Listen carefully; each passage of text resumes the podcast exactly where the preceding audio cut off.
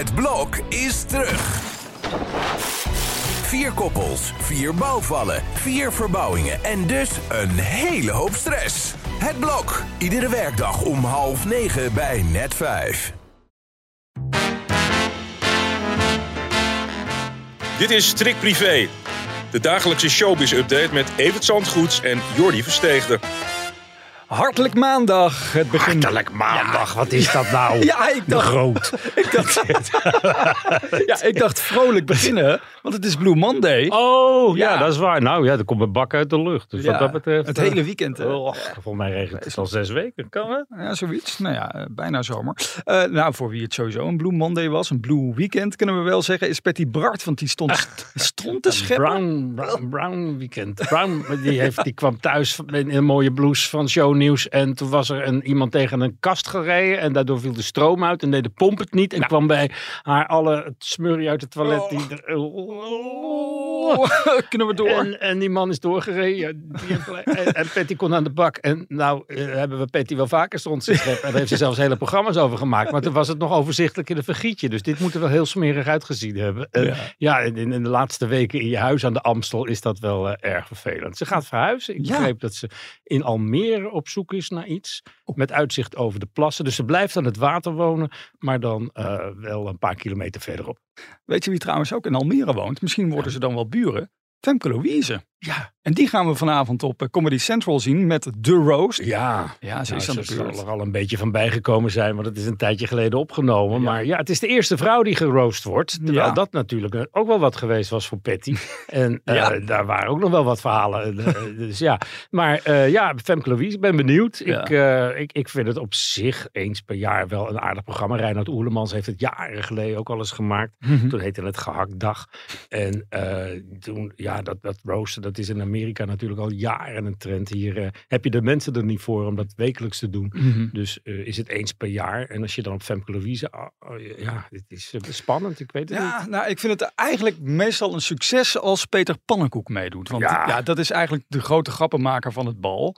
Ja, dat geldt ook voor de oudejaarsavond. Ja, En, en ja, dat is, daar kan ik me ook wel op verheugen. En, en eh, Henry van Loon is natuurlijk ook een uitstekende rooster. Maar die is er wel klaar mee. ja, precies. Ja, we hebben eerder al eens Johnny de Mol gehad, Hans Klok gehad. Vanavond gaan Mike de Boer haar onder andere roosten. Ik wist niet dat Mike de Boer zo grappig was, wist jij dat? Eh, nee, maar ik geloof ook niet dat je de grappen zelf hoeft te maken. Oh, maar als je ze maar weet te plaatsen. Ja, En, precies. eh, ja, nou ja, Mike is eigenlijk ook veel te lief om, om heel hard te roosten, volgens mij. Vriend van de sterren, dat, dan werkt het niet. Destijds was die van Gordon, de eerste keer, was voor mij verreweg de allerleukste. maar ja, dat ligt ook aan de hoofdpersoon en Nou, het potje dat hij ervan maakt natuurlijk. en die zou zomaar dit jaar weer geroost Die kan kunnen elk worden. jaar. Wat heb je het allemaal meegekregen dit weekend dat hij weer met een of andere jongen... Ja, Ja, ik kan er niet meer naar kijken. nee. En die foto, ik, ik denk, oeh, nou, het zal allemaal wel, maar eh, viezer dan poep scheppen om daar naar te kijken. ja, want voor de mensen die geen idee hebben, die Gordon niet meer volgen, omdat ze denken bijvoorbeeld dat hij van Instagram af is, hè, want dat, dat had hij aangekondigd. We zagen toch weer op Instagram dat hij stond te tongkluiven met een of andere jongen in, ja, Oost, ja ik zie ik zie, jou vies Hij, kijken. hij blijft maar vinden dat wij dat moeten weten Ja, allemaal. Maar ja. ja. ik ben er niet zo in meegegaan. Het staat Ja. niet in het blad woensdag. Oké, nou ja, hij daagt wel uit, want hij brengt het dan op Instagram, maar wil niet ingaan op privévragen. En wie dat ook niet willen, zijn Suzanne en Freek. Dit weekend is hun documentaire op, eh, op Netflix wel op één, zag ik. Ja, meest bekeken. Maar ik vind het een flauw setje. Ja, het zijn de Saskia en Serge van deze eeuw. En dat is geen belediging. Tenminste, niet voor Saskia en Serge. Nee. Maar, want die, die timmeren al 50 jaar aan de weg en doen dat met heel veel succes en prachtige liedjes. En zij is een van de beste zangeressen van Nederland, Ja. vind ik. Mhm. En eh, dus ja, maar ik vind hem zo, zo Ja, want het, het Zowel ging de, hun liedjes als nou wat, die, die rel die jij hebt ontdekt. precies, want dat begint met een fragment van 100% NL. Hebben jullie ook een, een, een soort van wildcard of zo? Dat jullie stel voor een keer met iemand anders zouden mogen dansen of los van elkaar? Wat een bijzondere vraag. Eh, Wildcard. we hebben een open relatie. Nee, nee wij, wij eh, we hebben geen wildcard. Nee. Nee. Nou, daarom zit ik ook wel een beetje in mijn hoofd met... dat ik eigenlijk nog de neiging heb om Rudo even tegen 100% NL laten zetten van... haal dat van die eh, wildcard dingetje er even uit. Omdat ik gewoon... Ja, maar Ik wil gewoon wat privé is, moet gewoon privé zijn. Nou, die moeten we ook maar niet gaan roosteren. Nee, want dan worden ze helemaal boos. Want eh, deze vraag, ik snapte wel waar die vandaan kwam. Er ging namelijk een gerucht, en die komen niet zomaar de wereld in, dat, dat Freek dan weer vreemd gegaan zou zijn, zeg ik, met Maan. Ook al. Ja, Als je de verhalen ja. hoort, dan heeft Ja. Maan iedereen gehad, behalve Geer en Goor, geloof ik. Dat is... dat lijkt me ook lastig. Maar goed, daar kwam die vraag vandaan. En je, kun- je kunt toch als artiest niet alleen vragen verwachten over je nieuwe muziek. Het is toch de showbizwereld. Ik snap niet helemaal... Nou goed, ze zullen het niet begrijpen. Die documentaire moet je maar even gaan zien.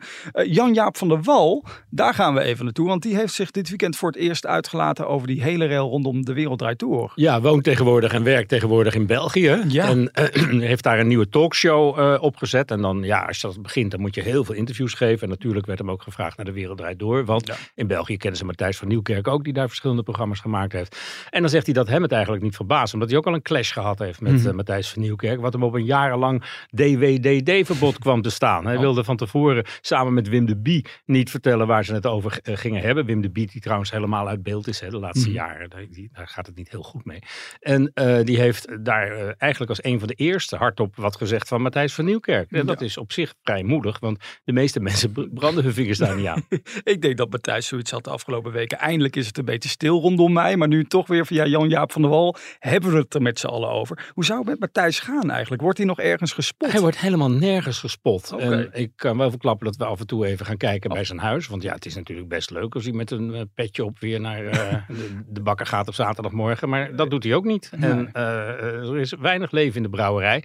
En ja, het is nu toch al een maand of twee stil. Ja, rondom maart ergens moet er dan meer duidelijkheid komen over dat NPO-onderzoek. Ja. Ik ben heel benieuwd of, we- of we dat ook gaan redden. Ja, we, we zijn met Jan-Jaap van der Wal natuurlijk in België terechtgekomen. En zij hebben dit eh, weekend hun Songfestival inzending gekozen. Zullen we daar eens even naar gaan Ja. luisteren? The world got me going crazy. I carry on, and it's all because of you. Because of Nou, die, die lusten we rauw, hè? bij, de, bij, de, bij de vakjury ook. En eh, ja, oh, die was er niet meer dit jaar, geloof ik. Maar ik heb, eh, ja, als je dan ook nog het beeld erbij hebt. het hij loopt erbij zoals Boy George 40 jaar geleden. Dus dat is ook niet heel erg eh, origineel. Dus ja, België en het Songfestival, dat is nou ook geen gelukkige combinatie, hoor.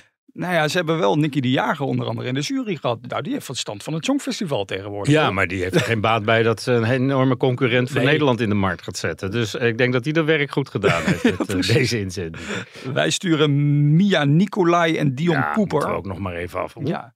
Ja, ja, Mia Nicolai en Dion Cooper. Het klinkt als een goed acrobatenduo in het kerstcircus. Maar Ja. het, het, het is echt een... eh, ja, Dan moeten we ook nog maar afwachten, want met dat liedje lopen ze ook niet echt te koop. nee. Maar eh, het is ook nog even, hè. Het is echt, joh, het hele jaar Songfestival tegenwoordig.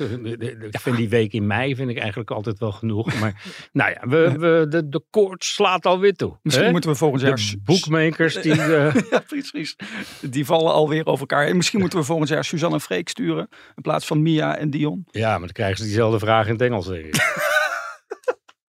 Nou, de kop is er alweer lekker af op deze maandag. Zo is dat. Laten we hopen op beter weer. En eh, nog meer nieuws. En dan zijn we er morgen gewoon hier. Tot dan.